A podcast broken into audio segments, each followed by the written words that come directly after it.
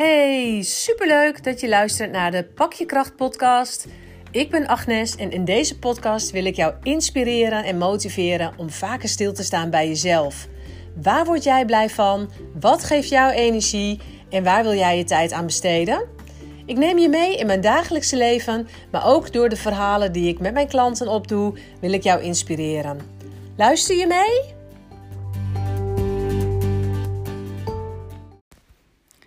Vandaag wil ik jullie vertellen over een zinnetje wat mij altijd heel erg helpt.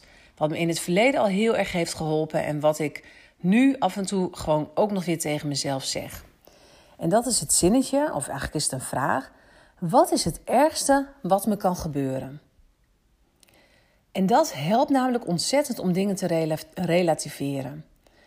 Weet je, er zijn soms momenten dat je echt denkt van oeh, dat je op zo'n moment staat of op een punt staat van dat dingen spannend zijn. Of dat je op het punt staat om een bepaalde keuze te moeten maken. Die misschien best wel bepaalde gevolgen heeft. En wat best wel gewoon spannend is. Ik weet bijvoorbeeld nog heel goed dat ik uh, toen ik in de commerciële reintegratie werkte, uh, was ik ook trainer. En dat we op een gegeven moment werd besloten binnen het bedrijf. We moeten meer met uh, groepstrainingen gaan werken, met groepen. Hè? Dus meer groepswerk gaan doen. Maar ja, weet je, je hebt gewoon mensen die zijn echt van huis uit trainer. En die vinden dat helemaal fantastisch voor zo'n groep. En helemaal happy de peppy. En nou, ik in ieder geval. Maar je hebt ook mensen die daar heel erg tegen op kunnen zien. dat mensen echt denken van ja, poeh, nou, ik vind dat nogal wat. En al die mensen. En dan sta ik voor zo'n groep. En die dat gewoon heel erg spannend vinden. Dus samen met de andere collega um, nou, werden we eigenlijk uh, aan het werk gezet. Ik was ook op dat moment uh, senior reintegratiedeskundige, dus ik had ook een andere rol, zeg maar. En um, nou, wij werden zeg maar, samen op het project gezet van we moesten een training ontwikkelen, groepsdynamica, of omgaan met groepsdynamica. Zodat wij onze collega's konden gaan trainen om daarmee om te gaan. Maar we hadden eigenlijk allebei zoiets van: jeetje, we vonden het eigenlijk best wel gewoon een beetje spannend. Weet je, want we waren wel gewend om voor groepen te staan en om trainingen te geven. En dat vonden we ook geen punt. Maar nu was het een training ontwikkelen, uh, die we vervolgens ook nog eens aan onze collega's moesten gaan geven. En ja, weet je, collega's, allemaal HBO opgeleid, uh, hè, af en toe best wel kritische mensen. Dus we vonden dat best wel spannend. En nou ja, daarin zeiden we ook heel vaak tegen elkaar ja, wat is eigenlijk het ergste wat ons kan gebeuren? Ja, dat het misschien niet helemaal lekker loopt, of dat het niet helemaal soepel gaat, of dat collega's zeggen, nou, we vonden het niet zo'n goede training. Of... En toen dacht ik op een gegeven moment ook van, nou ja, weet je, dat zou vervelend zijn, maar het is niet onoverkomelijk. Weet je, het is niet uh, dat je daardoor denkt van, uh, oh, wat verschrikkelijk en de wereld vergaat. Het is misschien vervelend, maar weet je, we kunnen daar ook weer van leren.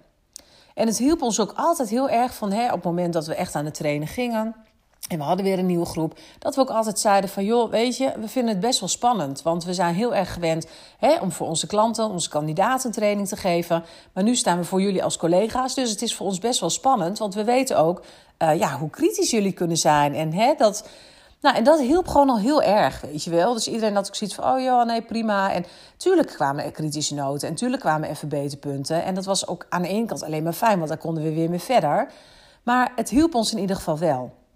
Dus dat is een mooi voorbeeld van hè, wat ik ingezet heb.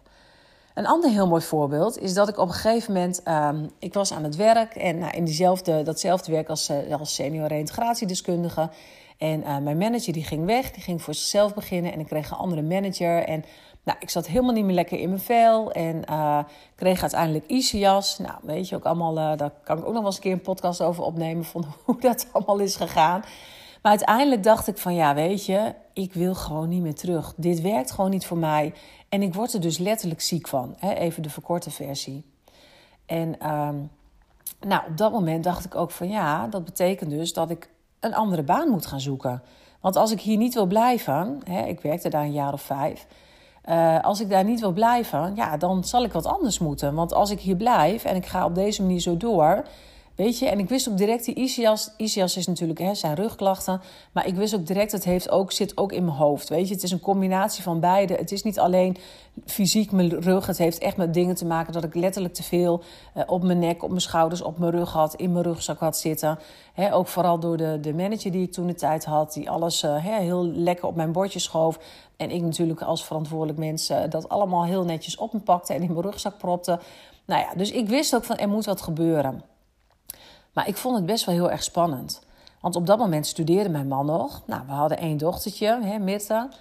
Um, we hadden een koophuis. Ik had een vaste baan. Dus ja, het is best wel even dat je denkt van poeh. Maar toch dacht ik, oké, wat is het ergste wat me kan gebeuren? Als ik mijn baan opzeg en ik heb, hè, want ik dacht ik ga wel eerst zoeken naar een andere baan. Ik ga niet mijn baan opzeggen zonder dat ik natuurlijk wat anders heb. Dus ik heb een andere baan opgezocht en ik dacht, oké, wat is dan het ergste wat me kan gebeuren? Ja, het ergste wat me eigenlijk kan gebeuren is dat het niet leuk is. En, uh, of dat het niet goed gaat. Of dat ik in mijn proeftijd word ontslagen. Of, nou, en toen dacht ik, oké, en als ik in mijn proeftijd zou worden ontslagen... Hè, want dat is dan, zeg maar, was op dat moment het ergste wat er kon gebeuren. Ik denk, wat dan? Wat dan? Ja, dan moet ik WW aanvragen. Oké, is dat is vervelend, maar is dat onoverkomelijk? Nee, het is niet onoverkomelijk. Oké, ik krijg wel minder geld, maar kan ik met minder geld toe? Als het moet, kan ik met minder geld toe. Nou, en zo helpt het mij altijd heel erg met dingen om dat te relativeren. Weet je, dus dat is eigenlijk altijd het zinnetje wat ik gebruik van wat is nou eigenlijk het ergste wat me kan overkomen? En weet je, door dat zinnetje aan mezelf te stellen en door eigenlijk gewoon er even in te gaan zitten, of hè, het even, even erin te gaan zitten graven van oké, wat is dat dan? Wat is het ergste wat me kan overkomen? En ja, kwam ik eigenlijk altijd wel tot de conclusie ja, dat het eigenlijk altijd wel meevalt. En dat er natuurlijk situaties zijn die helemaal niet leuk zijn en helemaal niet prettig zijn. Hè, waar je in terecht kan komen. En dat hebben wij later ook nog wel eens gehad. En, maar toch helpt het mij altijd. En ik denk altijd van ja, weet je, het ergste wat er kan gebeuren is dat je gigantisch op je bek gaat, om maar zo te zeggen. Even heel plat, sorry ervoor, maar even, dan weet je wat ik, dan weet je wat ik bedoel. Dus dat dat gebeurt, maar dan denk ik oké, maar je kan altijd weer opstaan. Je kunt altijd weer opstaan en zeggen: Oké, nou, hier ben ik even flink onderuit gegaan. Zo, dat was even niet helemaal hoe ik het bedacht had of gepland had. Of, hè? Maar ik kan altijd weer verder. En je kan altijd weer verder. En als het niet alleen is, dan kan je met hulp verder. Dus weet je, het is een zinnetje wat mij altijd heel erg helpt. En wat jou misschien ook wel helpt. En daarom deel ik hem ook om, hè, ter inspiratie. Zo van joh Weet je, als jij ook op een bepaald moment een ergens een keuze in moet maken, of op een bepaald kruispunt staat in je leven, of denkt van oeh, ik vind het heel erg spannend, moet ik het wel doen of moet ik het niet doen? Vraag jezelf dan gewoon eens af: wat is het ergste wat me kan gebeuren? Dieper, duik er eens even in, verdiep je daar eens in en kom dan tot de conclusie: ja, is het eigenlijk wel zo erg? Valt het misschien gewoon wel mee? Kan ik deze sprong gewoon wagen? Want weet je, we zullen af en toe risico's moeten nemen in het leven. Het is niet allemaal maar koek en ei en dat het je aankomt waaien. en dat hoeft ook helemaal niet, want ik bedoel, daar groeien we ook weer van. elke stap die je zet, daar groei je weer van en daar leer je weer van. Tenminste, daar ben ik van overtuigd. Zo zie ik het in ieder geval wel. En hoe mooi is het dan dat je daardoor soms toch gewoon de sprong durft te wagen of een stapje durft te zetten. Want het hoeven niet altijd sprongen te zijn. Hè. Ik zeg juist altijd van maak gewoon klein, dingen klein. Hè, knip het op, maak er een kleinere stap van. Maar dat is de zin die ik jou in ieder geval wil meegeven. Dus de volgende keer dat jij ergens nou ja, op een bepaald punt staat of een keuze moet maken of wat dan ook, stel jezelf dan eens de vraag: wat is het ergste wat me nu zou kunnen gebeuren?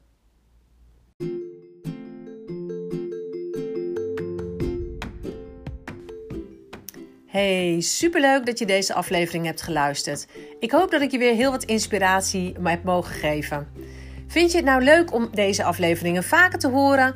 Abonneer je dan gewoon op de Pak je Kracht podcast en laat vooral ook anderen weten dat deze podcast er is, zodat we met z'n allen nog meer mensen kunnen laten stilstaan bij zichzelf en op die manier de wereld een beetje mooier maken. Je mag uiteraard ook altijd mij laten weten wat je ervan vond. Zou ik super leuk vinden. En daarnaast mag je ook altijd een review schrijven, zodat nog veel meer mensen deze podcast kunnen vinden. Dankjewel!